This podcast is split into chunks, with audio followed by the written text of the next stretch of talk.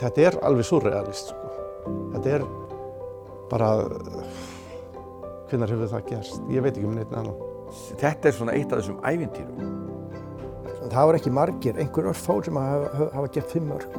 Og það var náttúrulega, þetta er ótrúlega afreg í raun, algjörlega stórkosleitt. Maður er náttúrulega búinn að heyra þetta nokkur sinnum en hérna, þetta er náttúrulega í rauninni alveg eiginlega bara svona ótrúlegt afreg og ég held að við hefum átt ykkur tíma að spjalla um það að hann hefði lægt að kaupa sér lott á mig en það hefði eitthvað komið á skamniðinu hann það sko.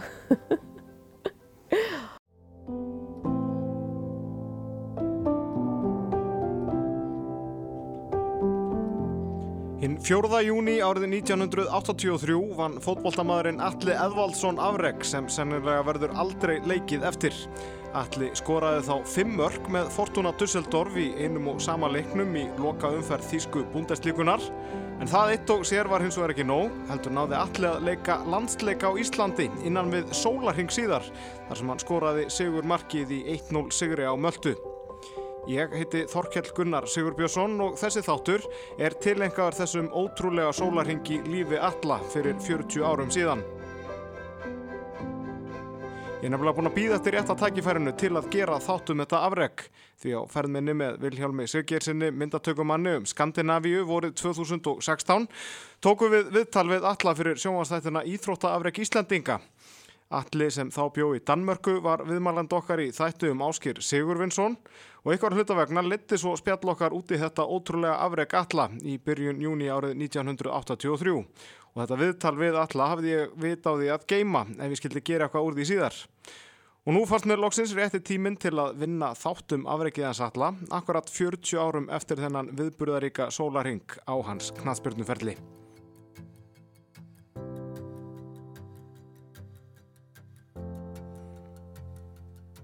Eftir að hafa leikið með val á Íslandi hjælt Atli til þíska stórliðsins Borussia Dortmund árið 1980 og leik þar í eina leiktíð áður en hann var keiftur til Fortuna Düsseldorf.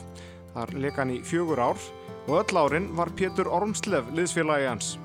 og á þessum árum þá máttu bara vera tveir útlendingar í, í hverju liði fyrir sig þannig að þetta voru bara, bara Íslendingar tveir og svo voru hitt bara þjóðurar með þýska passa það voru þarna tveir á pól, pólsku mættum en þeir voru með þýska passa þannig að það máttu liðin, ég, ég held mér að segir hafi ekki mátt hafa fleiri en tvo útlendinga á atvinnumanna samningi.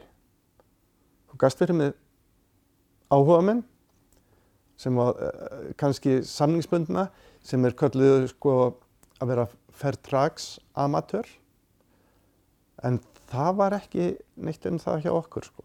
hjá mér kannski persónulega var, var þetta búið að ganga mjög vel uh, uh, sérstaklega það var þjálfarskipti þarna á tímubilinu uh, ég held minnir það eftir hvað átta leiki þá skoraði áttunda leik eða nýjunda leik þá skoraði við fyrsta mark.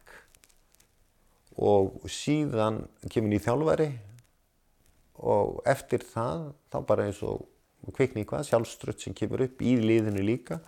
Og við rjúkum upp, rjúkum upp töfluna og á þessum fyrir þennan leik, þá var ég búinn að gera 16 mörg í deildinni og var náttúrulega bara prime time allt gekk maður vaknaði brósandi, sopnaði brósandi og leiðaði ofsalega vel Þjóðverjar voru Evrópumeistarar á þessum tíma, minni mig. Og, og deildi náttúrulega alveg rosalega sterk og, og, og eh, all, eiginlega öll lið spiluðu sömu taktík. Og það, þetta var bara 3-5-2 og eiginlega maður og mann. Þannig að var, þetta var alveg ofbóðslega erfitt og allir náttúrulega var byggður þannig að hann var bara, hann hefði eiginlega, eh, sko, hann var bara eins og tögþrautar maður, sko. Lang, lapp, lappalangur uh, og svo bara mjög sterkur efriðskrokkur og var alveg nógu fljótur, ljón, grimmur og svo hafði hann þennan karakter sem að, sem að ekki margir hafa. Hann var alveg hrikalega grimmur við sjálfan sig, sko. Og og æfði vel náttúrulega, það kemst enginn hjá, hjá því nema að æfa vel á þessum, þeir eru komin á þennan stað og en hann hafiði eh, svona ofsalega eiginleik og var náttúrulega sterkur í loftinu stór, 1.90 Það sem var óvenjulegt fyrir lokaumferð Þísku deldarinnar árið 1983 var það að Íslendingarnir tveir hjá Fortuna Dusseldorf átt að spila landsleik á Íslandi daginn eftir leikin. Hann er á sundi, óvanalegt, yfirleitt voru þeir á miðugutum, ég veit ekki út af hvernig hann var á sundi. Uh, óvanalegt líka það sem að eh, ég held að þetta muni aldrei ekki gerast aftur að það sé deldaleikur og svo er landsleikur í undankeppninni uh, daginn eftir og það að við tókum það ákvörðun að spila leikin í deildinni og síðan fara til Ísland og spila leikin. Sif Alladóttir, fyrirverandi landslískona í fótbolta, er dóttir Alla. Pappi var bara þannig að hann fór í alla, hann fór í öll, öll hérna, alla ferðir og landslið var alveg förgursadrið fyrir honum. Þannig að ég held að hvergi á hans ferli sem leikmaður þá hafa hann tekið sér frí eða beðum frí eða var, var stoppaður og ég held að félögin gerir sér alveg grein fyrir að þú ert ekkert að bara segja alla fyrir að hann sé ekki að fara að spila fyrir landsliðið sitt sko. Skafti Hallgrímsson var íþróttafréttamaður á Morgunblæðinu árið 1983. En var algengt á þessum tíma að það væru landsleikir svona bara alveg ofan í deildarleiki? Ekki, nei, ekki daginn eftir, alveg, nei, það var mjög óvinnlegt. Það var mjög óvinnlegt. En, en það var, það var, uh, þessum tímar líka, þá var sko ekki svona vel skipulagt eins og í dag og þá var þetta líka í rauninni þannig að menn, sko, að klúbbarnir höfðu meira um það að segja, þú þurfti ekki að sleppa mönnum endil í landsleiki. Menn voru meittir og eða miskusti sagðir meittir og, og þannig, en Atli var endar þannig, hann kom alltaf hann var þessi jaksl og hetja eins og margir mun eftir honum fórnaði sér alltaf fyrir já náttúrulega félagsliðin þessum leikið sem ég sá hann spila úti og svo náttúrulega með landsliðinu sko alveg grjótarður góður sko. Ég var hann í held ég 50 eða 70 sæti yfir markaðustu menn. Þeir voru hann fyrir ofan, Horst Rúbes, Karlans Rúmenik, Rúdi Föller, Klinsmann og ykkur fleiri sem voru fyrir ofan. Ég var bara góður róli við að miða við lið sem var í 8. 8. sæti í, í deildinni. Ég var ekkert að spóða nýtt markakongstétil þá. Sko, úr undirbúninu var það, það var landsleikur á sundegi. Og það var, uh, spurningi var svo upp á það að þessi leikur myndu Franko skipti ekki máli þannig séð. Þetta var síðasta leikur deildinni að ég og Pétur Ámsleif við myndum fara heim á, á miðguti eða fymti og sleppa leiknum. En það bara kom ekki til greina að spila uh, sleppa leik. Þannig að við bara reyndum að leiðsta þannig og þá kom í ljós við vildum spila leikin þá kom í ljós að það voru hverjir um, það voru svona enga þóta sem var að fara út með ykkur að tvo, þrjá viðskipta jöfra ykkur að og það var 7-8 manna vél sem var að fara til Frankfurt minni mig.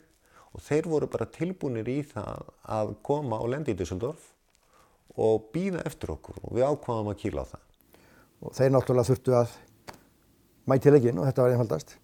Þannig að Arnarflug flög með það var sex farþega vél uh, og okkur var bóðið með þremur blaðmönnum Helgi Dan heitinn Danielsson var formaður landslindendar, hann fór með út Friðþjóður Helgason, sonunars, ljósmyndari á DFF, Samuel Örn Ellingsson, vinnu minn sem var nú hérna lengi. Og ég frá Mokkanum, sami var á, á NT, tímanum, ég held að það heiti NT þá. Þannig okkur er bóðið með, fljúum út bara hann á lögatarsmotni, beint á völlin, sjáum þetta æfintýri og svo bara flóið eftir heim. Við vorum að fljúa í einhverja fimm tíma, eitthvað á sjötta klukkutíma og uh, þetta var svona vél sem var aðalíð í skulli þannig að það þurfti að taka úr henni sæti og setja alveg hér unit í hana til að setja hana klósett og það var ekki gert. Þannig við þurftum að hafa alveg, það alveg á hreinu að það væri búið að klára alla hluti áður farið var um borð. Sama gilt um heimleðina. Þannig að við getum sagt sem svo að það, var, það voru enga bjórveitingar á leiðinni, hvoru á leiðina. Þetta var mjög magnað og kom upp mjög snögt.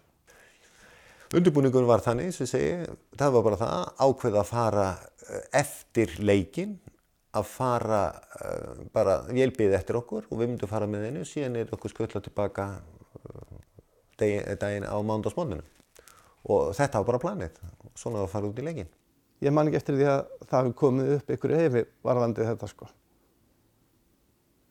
Síðan að við spilum hennar leik og, og síðan strax eftir, eða daginn morgunin eftir leik þá fljúum við aftur beint til Düsseldorf með sömu vél. Því að við vorum að fara, þá vorum við að bóka frí á Spáni með liðsfélaga okkar, fjölskyldinni og við flugum, við, við lendum í Düsseldorf og þá var bara flugið eftir fjóra tíma til, til Spánar og við fórum þákað. En vindum okkur þá í leikin sjálfan milli Fortuna Düsseldorf og Eintracht Frankfurt sem hóst klukkan hálf fjögur að staðartíma á Rheinstadion þann 4. júni. Alli gaf tónin mjög snemma í leiknum þegar hann kom Fortuna í 1-0 á þriðju mínútu. og voru reyndar allir sátum, fórum allir inn á völl og vorum að taka myndir. Sátum við fyrir aftan markið þar sem að Fortuna sótti náttúrulega í byrjun og komist í feitt því okkar maður náttúrulega raðaði hann inn mörgum. ég skora fyrsta markið mitt, þá sé íslenska blaðamenn fyrir aftan markið og ég hvað hilsa þenni, hvað er þetta að gera hérna? Já, ég, við erum að koma með, eh, við fengum að fara með. Þá voru ykkur fjóri, fimm íslenski blaðamenn sem voru á þessum leik. Já, hann er svolítið skondið sko. Þeir voru nú vinir og skólafélagur úr íþróttakennarskólanum, hann og Sammi. Og fyrsta, þeir vissu ekki held ég að við vorum að koma. Og allir skora fyrsta marki bara strax eftir rúma tvær mínútur, á þriðju mínútur leiksins. Fær sendu inn fyrir vörnin á hamra boltan í netti og hleypur svona til að fagna aðeins við hliðina markinu aftur fyrir og rekur þú augun í krullherðan í- Íslending með litla myndavel og segir Sammi, þú hér ja, alveg steinhissa gamli skólafélagina bara næ, fyrsti manni sem maður sá eftir að hann gerði fyrsta markið Sko en við urðum sem sagt miklir vinir og ég hafði ekki einu sinni sko uh, einu sinni svona uh, olbúarími til að sko hafa samband við hann. Þetta var náttúrulega miklu flóknar á þeim tíma. Uh, Símtölu til útlanda voru ekki alveg sjálfsögð og uh, svo var hann náttúrulega atvinnumæður í fótbolta og aldrei heima sko þegar voru endalist á ferðinni. Þannig að, að það var nú lítið úr að hann í varaði við en hann sá mig sem sagt við marklínuna þegar hann skoraði, ég held fyrsta markið í leiknum. Ég nefnilega var svo heppinn að sko þetta gerðist bara 1, 2 og 3 og mér var bara rétt myndavél. Ég, ég fekk mjög litla leiðbenningar en það voru ljósmyndunar eftir því. Ég til að sklúra alveg fyrsta markinu. Ég bara horfði á vinn minn koma og skora bara í handlitið á mér sko. Með vélinn og reyna, reyna að koma þessu heim og saman. Er tóm villisa. Eftir það skaut ég nú mikið út í loftið af, af, á, á þessa myndavélinn og einhverja örfáar myndir voru byrtingahæfar. Þannig að það fer ekki af ljósmyndahæfingum mínum, en það var ekki af þeim neðan sögur. En hann sem sagt sér mig þarna við marklínuna og, og uh, það allavega hrætti hann ekki meir en það, það komur fjóri við bótt.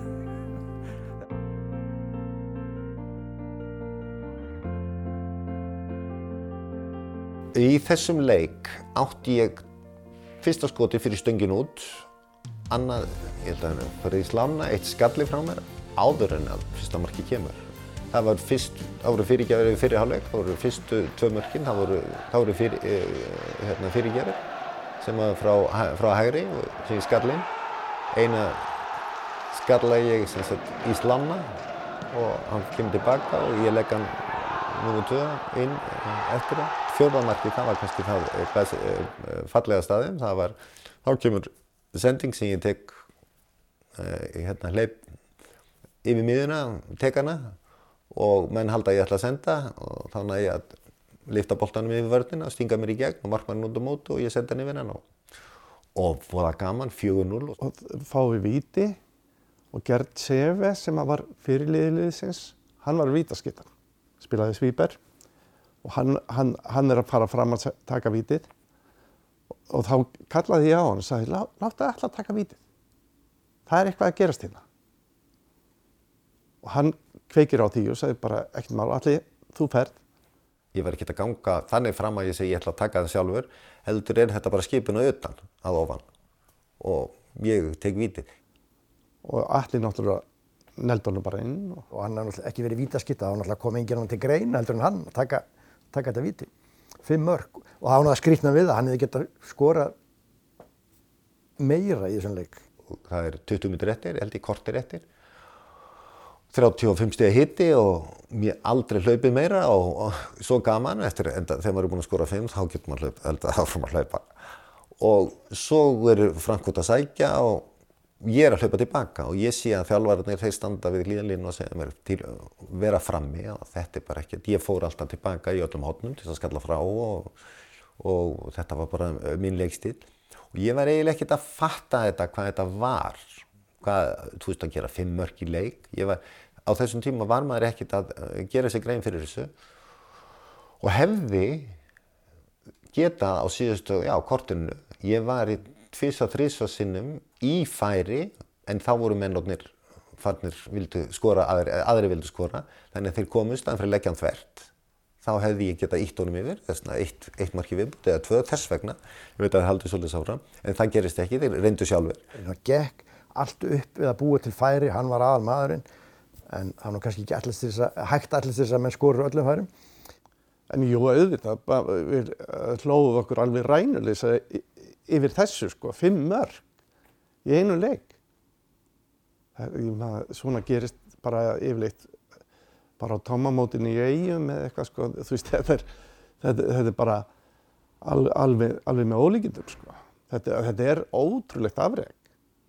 Afreg, þú veist, bara fimm mörg í alvöru fótbolta í alvöru deild það er bara magnað sko. Sko, maður eiginlega trúði þessu alla. Það var bara svo skytið. Uh, ég held að maður hafi eiginlega verið í mörg ára átt að segja á þessu. Einfallega, sko, þetta bara gerðist fyrir saman augun á okkur. Og fyrir mig var þetta upplifun, sko, var, þarna var, sko, íslensku landslísmaður og þarna var íþróttakennarinn og, og vinnur minn að skora þessi fimm mörg og maður bara trúði þess ekki sko. Og ég var að reyna að hugsa um það að taka einhverja myndir og, og skrifa hjá mér einhverja punkta og, og það, þetta fór allt meira og menna handaskólum sko. En upplifunum var enga síður stórkostleg og sko strax þá vissum að það að þetta var einstætt afreg að, að gera fimm mörg í sama leiknum. Og í rauninni þegar upp á staði þá var það ennþá merkilegri fyrir það að hann skoraði öll mörgin sem að, sem að hérna, Dusseldorf skoraði í þessum leik. Og þetta voru engir auðlar Frankfurt sko. Það vantaði, vantaði ekki að þeir var að spila móti. Svo bara eftir leikin, uh, þá bara ég man eftir Tómas Berthold og Kalli Körbel hérna, Körbel hérna fyrirliði hjá Frankfurt, þeir koma tíminu og oska mér til hamingju sko og það var ekki við leikin heldur, ok, það var eitthvað sem að ég var eiginlega ekkert fann að gera mig grein fyrir. Hann átti að fara í sjónvarsviðtöl og blaðviðtöl og hann bara sagði bara nei og ég þarf að drífa mig. Bara strákanir í hérna, klefunum voru alveg bara hvað, þú veist, þetta var klikkar, þetta ferði í viðtölun og eitthvað. Hann bara nei, þetta er bara svona. Og þá væri ég beðin um að koma í sportstúdíó. Það var sportstúdíó sem er alltaf á, sundas, nei, á lögataskvöldum klukkan 10 í Þýska sjónvarpinu. Það er svona live ég var búinn um að koma inn, ég gæti náttúrulega ekki og það er náttúrulega gefið auðlýsing að fara í, í sportstúdíuð en hérna ég komst ekki út okkur, komst ég ekki að því það beði þetta með fljóðvel og ég var að fara til Íslands. Og að upplifa það, sjá þetta var auðvitað æfintalegt, maður var kannski ekki að pæla mikið í því á þessum tíma, jú, þetta var svaka gaman allir ánaðir, allir og Pétur Rómsleif og þeirra fjölskyldur ánaðir hann á ettir en almáli var bara svo að drífa sig heim til að þeir getu kvílt sig og svo spila landslíktaðin eftir. Þú náður kannski ekki að upplefa allan ljóman af þessu afreiki? Nei, nei, ég náði því. Ég hefði sko, það vant að ég náði ekki að upplefa hann, þarna að geta komist í þetta og verið þarna um kvöldið og verið þarna í, í og daginn eftir eða hvernig sem þetta var þegar síðan var slútað hjá allir, þá var ég á Íslandi að, að hérna, spila landslík. Mörkin 5 frá alla í lokaumferðinni urðu til þess að hann endaði jafn Karl Algóver hjá Stuttgart í öðru sæti yfir markaheistu leikmenn deildarinnar þessa leiktíð. En hann endaði þetta með 21 mark, hef, ef ég mann rétt. Rúti Föller, svo mikla markamaskina, var markakongu með 23. Þessi leikur þróaðist hann í allir heiðirunni geta verið, verið jafnun í lokinu, að jafnvel komist upp fyrir hann. Það var ótrúlega satt. Jú, auðvitað, ef ég er að slást um markakosttitilinn, ég var ekki hérna að, var aldrei að hugsa um það, en það var ofandi, Rúti Föller sagði mér það, setna hann sagði mér, að hann sagði, já, hann búin að líta, já, það var ekkert, það var engin, var, þetta var ekkert í hættu, hann skoraði eitt marka á þarna, hann sagði þetta var ekkert í hættu þessi hérna markagóngstitill, hann var meðan alveg sólið eða svona örugan, svo allt í hennu kom ég með fimm í lokin sko, þá sagði hann bara, hann sagði við mig eftir og hann sagði, því ég sá það, þá fekk ég eiginlega, þá kiftist ég við, þá sagði hann bara, lærði ég að því, sagði, þú ætti aldrei að vera örugum með þitt, saman hversu örugt það er.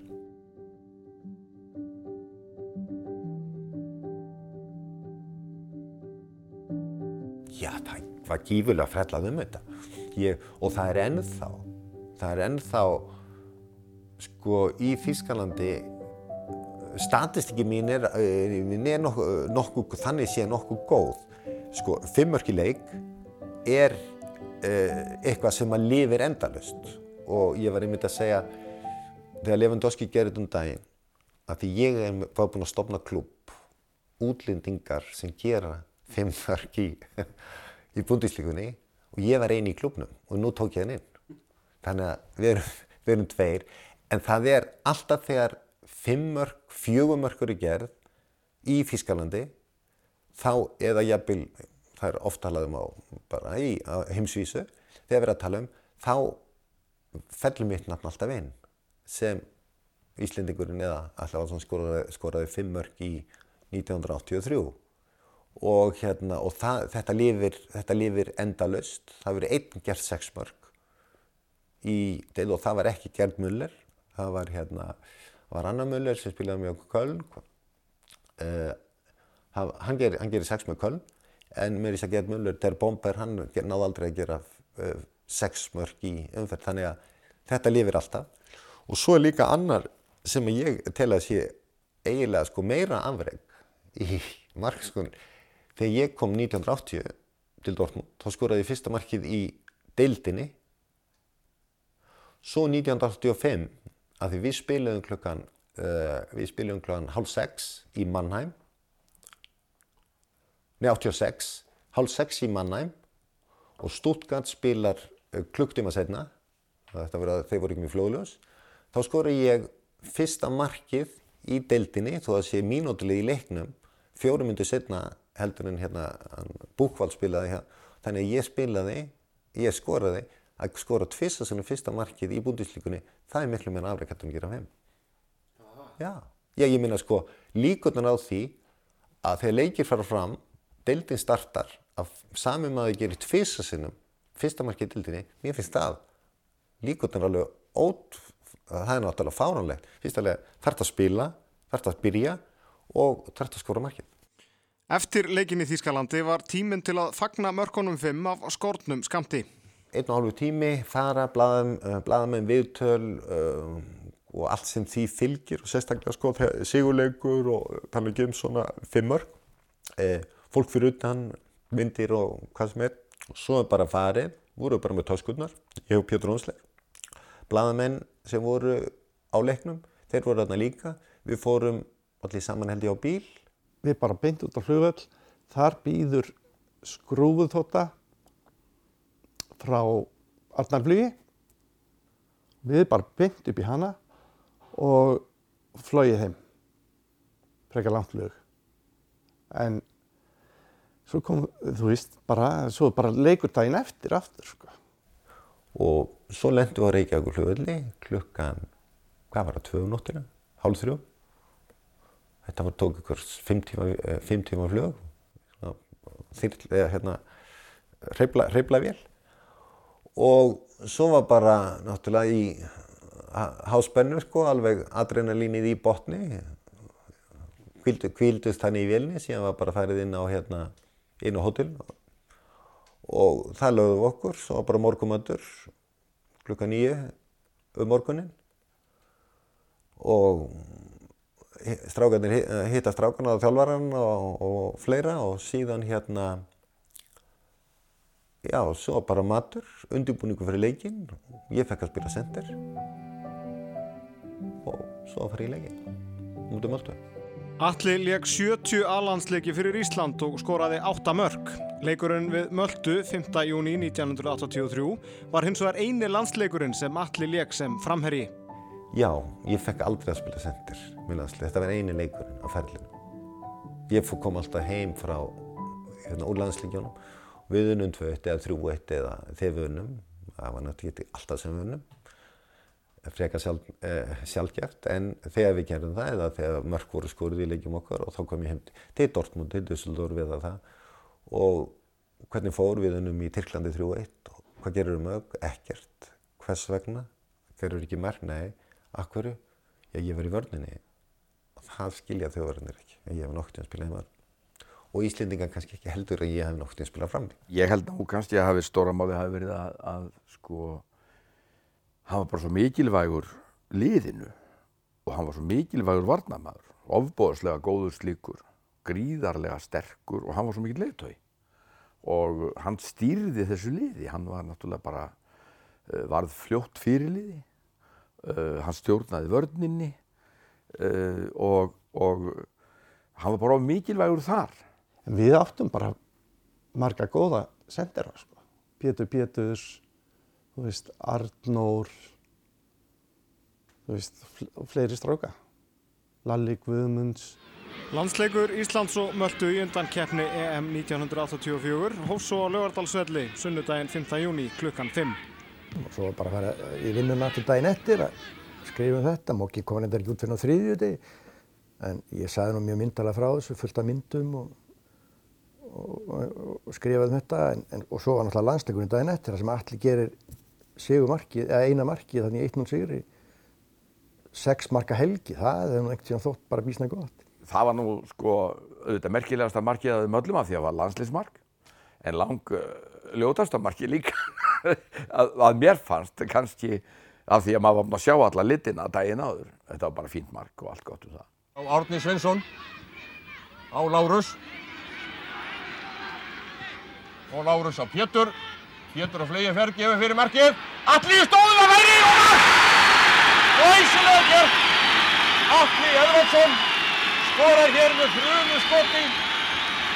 Og gott upplöf hjá Íslandingum upp vinstur kant Pétur Pétursson sendur boltan fyrir markið og Alli Edvardsson kom að flegi ferð og nefndi boltan í markmið nöftu. Já, við vorum betri, við áttum að vera búinir að vinna þetta, sem sagt gera, áttum við hefðum geta gert fleiri mörg, en úr leiknum, mann ég bara sérstaklega að var flott spil, uppkantinn, vinstra, vinstra megin, Pétur Pétursson sendir á að sendingu frá fjær, stöngina. Það var mitt uppáhald, það hefur alltaf verið, við erum á fjárstönginni, því að það áttum við líka aðhlaupa nær.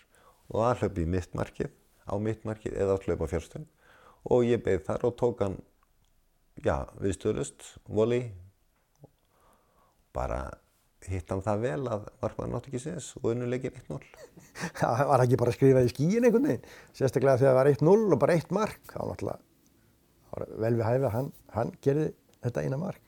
Eitt af þessum skildu verkum eh, sem er svo dásamlegt eftir sem tíminn líður.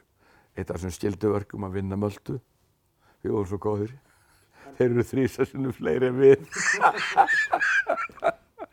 Og lærðu að fókbólta byggilega láta undan okkur. En þetta er svona, það er svo íslenskt. Já, ég man eftir markinu, svo man ég náttúrulega eftir öðru aðtryggja, það var Sigur Jónsson kom inn á í þeim leik, þá yngsti landslýsmaður í sögu Íslands. Og það var náttúrulega skondið aðtryggjaði mitt þegar hann kom inn á að uh, þá var hann ekki búið að finna upp ílluhelli sko farsíma eða einhver svona alvöru, alvöru hérna, tæki til að hafa samband mann á milli. Ljósmyndarnir voru nýra á velli náttúrulega og, og okkar maður hérna fyrir aftan markið, annar markið og þeir einhvern veginn áttu þess ekki á þessari skiptingu, það var bara einhver skipting og þá var menn bara að hugsa um eitthvað annað.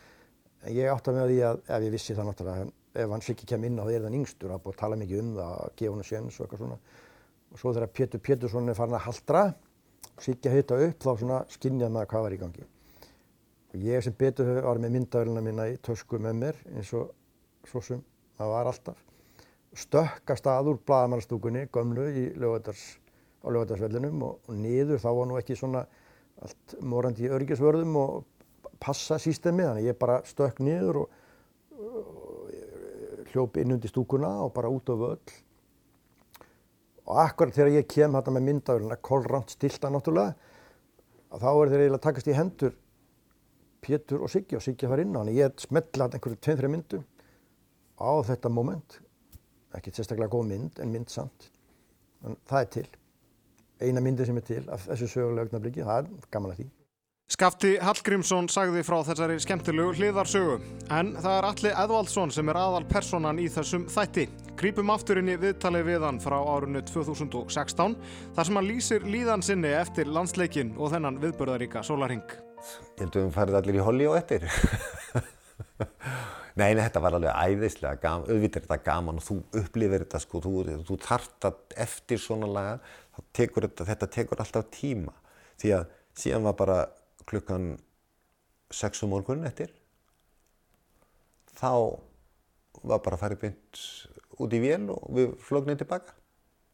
Þannig að þetta er svona, svo þegar þú fer að hugsa þetta, setna meir, þá er þetta náttúrulega, uh, upplifunum verður náttúrulega öðruvísi en þú gerir ekki grein fyrir á meðan þú ert að gera þetta, þú ert bara í, í þessum hérna gýr þínum og ert, þetta er bara verkefni, þú ert að klára þetta, þú gerir þetta og þú ert ekki að telja mörkin eða þú ert ekki að telja þetta, svo þú sést niður í róliðhættunum og, og ferð yfir, yfir þetta setna meir, þá ferður svona að upplifa þetta betur og gaman að upplifa þetta alltaf á og til. Sif, dóttir Alla, leik með Saarbrücken í Þýskalandi á árunum 2010 til 2011. Spurð hvort fólk í Þýskalandi hefði munað eftir pappinar var Sif fljóð til svars. Já, heldur betur. Ég, hérna, þjálfurinn minn sem, að, sem sagt, var, fekk mig til Saarbrücken á sínum tíma, hann, hérna, pappi, ég var að skrifa undir framlengingu, uh, tveggjara framlengingu og fæ pappa, sérst, pappi bjóð í Þýskalandi þá og kom með lestinni niður og eðst, um, maður eiginlega áttar sig ekki á sko, hversu stóra maður fyrir en að maður sér fólk sem að mann eftir honum í Þýskalandi. Því að þjálfurinn minn þá var eiginlega svona pínu bara svona orðlaus og vissi ekki alveg svona hvernig hann átt að vera. Og var alveg, þú veist það var svo oft verið að taka höndina og svo bara já, já, já. Og þetta var svona, þetta var pínu surrealist moment fyrir mig af því að ég var svona ok, en ég á að vera að skrifa undir pabbi, þú veist, getum við haldið áfram? Við alveg bara að komast koma mér úr þessu sko en hérna, en það er var óbúslega gaman að sjá, sko og maður finnur það alveg ennþá í dag. Þú veist, vin, hérna, vin, vinkona mamma og pappa býr ennþá í Þýskalandi. Og það er ennþá alveg talað um pappa og, og þjóðverjar þegar það talað um Ísland þá munar alveg eftir pappa, sko Þessi þáttur sem þú hlustandi góður hefur verið að hlusta á var settur inn á hlaðvarpsveitur hinn 4. júni 2023 eða akkurat 40 árum frá því Alli Edvaldsson skoraði 5 mörk í einum leik í Þísku búndeslíkunni og fór svo beint heim til Íslands og skoraði sigurmarki landsleik gegn Möldu degi síðar. Afreg sem tæplega verður leikið eftir. Þetta er svona moment sem að maður sjálfur áttar sig ekki á hvaða er stórt af því að maður er búin að heyra svo oft um það. Og mann finnst þetta bara eðlilegt, þetta sé eðlilegu hlutir sem að pabbi manns gerði sko. en hérna ég er náttúrulega bara sem leikmaður sjálfur þá fattar maður að, að álæðið sem að hann var undir og svona flæðið sem hann datt inn í á þessum sólaring hefur bara verið eitthvað stórkoslegt og, og líklega eitthvað sem allir íþróttamenn hefðu vilja og vilja dett inn í. Er bara af því þegar maður er í flæði þá er maður í flæði og það er eitthvað þá líður manni líka bara eins og maður sé óstöðandi og hann hérna eins og segi hvað hefði gert, hefði hann keitt en hann lott á mig það Þetta er alveg surrealist sko. Þetta er bara hvernig hefur það gerst? Ég veit ekki um neitt annan. Ég veit um þessa fimmarkamenn í, í Þýskalandi sko. Gert Muller og, og, og þá alla sko og, og Lewandowski Ég held að enginn er að hafi spilað landsleik daginn eftir, sko. ég veit ekki hvort það er hægt að setja þetta í samingi við eitthvað, eitthvað sérstætt. Uh, þetta er svona eh, bara eitt af þessum, ég sennilega ein merkjalegasta helgi í lífi íslensk knaspunum, ég get ekki ímynda mér annað. Þessi leikur í Þýskalandi skipti sjálfur sér ekki máli um sæti í deild eða neitt þess áttar en bara skora fimm mörg í leik í Þýsku fyrstudeldinni, búndislíkunni eru þetta magnað afreg alveg sama hvar og hvenar það er gert. Fljúa svo heim og gera sigumark fyrir þjóðina sína í Evrópuleikdæðin eftir. Þetta er alveg eiginlega þetta er alveg líni líkast. Og þetta myndi aldrei gerast í dag það myndi aldrei náttúrulega vera landsleikur svona strax daginn eftir deildaleg þetta er svona eitt af þessum ævintýrum. Það kemur strákur hér á Íslandi, tiltölulega nýr alþjóða, á, á alþjóðavísu sem atvinnumadur. Uh, hér æfðu menn í, sko, á malarvöllum á þessum tíma utanhús og svo bara innanhús í einhverjum litlum ítrútahús. Þessi strákar sem eruðu góður á þessum tíma þeir þurftu að vera að finna sér öll mögulegt tækifæri til að verða góðir í fótbolta. Og hann er kominn þarna á stóra sviðið og í, eins og þú segir, einhverju bestu deild í heimi. Það er ekki einn spurning og það menn getur bara litið á hvað gerði þíska landsliðið á þessum áratugum þarna og síðan og reyndar áður. Um, og skorar fimm mörg í alvöru leik vegna þess að það var ekki þannig, það var einhvern druslu sem þið voru að spila við. Það var ekki þannig. Einstakt afreg fyrir okkur eitt af merkilegast sem íslenskur íþjóttumæður hefur gert. Það er ekki spurning. En þetta er eina af þessum flottustu sögum hópoltans í mínum huga.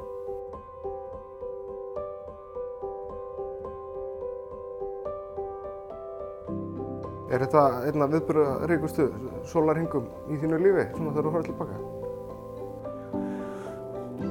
Já, hú, já, já, já, já, alveg örugt sko, það eru, við veitum um margir viðbörugir í, eins og í stambur við uh, sko fótboltan þegar maður er að koma inn, þegar maður er ungu leikmar ég fyrir Dortmund, koma á þennan Dortmund af öll, spila, engin bjóstu því ég myndi spila í fyrsta leik, ég hef aldrei spilað nokkur tíma æfi minni, sendir í yngurflokku með, með, með liðunum í, í þegar ég fer til Dortmund og hann spyr mér hvort ég getur spilað sendir. Og sjálfstöðstu verður náttúrulega alveg gífurlegt þá. Auðvitað getur spilað sendir, það hafði aldrei gert áður. Svo kem ég þarna inn og fæ að spila sendir í fyrsta leik og skora fyrsta markið.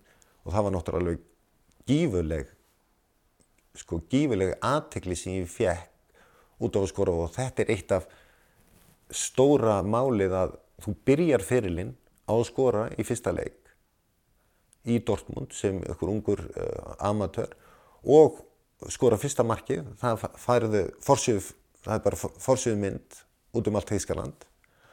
Síðan á miðjumferlinu gerur þessa, þessi fimmörk og svo lendi í liði, bæri rautingi liði sem að munaði hvað tveimur stugum að veru þýskarasmeistarar og voru mjög undanúslundum í Evrópikjarnum þannig að sko háu punktarnir, þetta, svona, þetta fyrir svona bylgjum, þetta eru háu punktar sem getur alltaf vitnaði og tekið og haldið utanum og það er aldrei, aldrei hægt að segja sko upplifunin mín að skora fyrsta marki í Dortmund sem ungur leikmaður nýkominn til Þýskalands.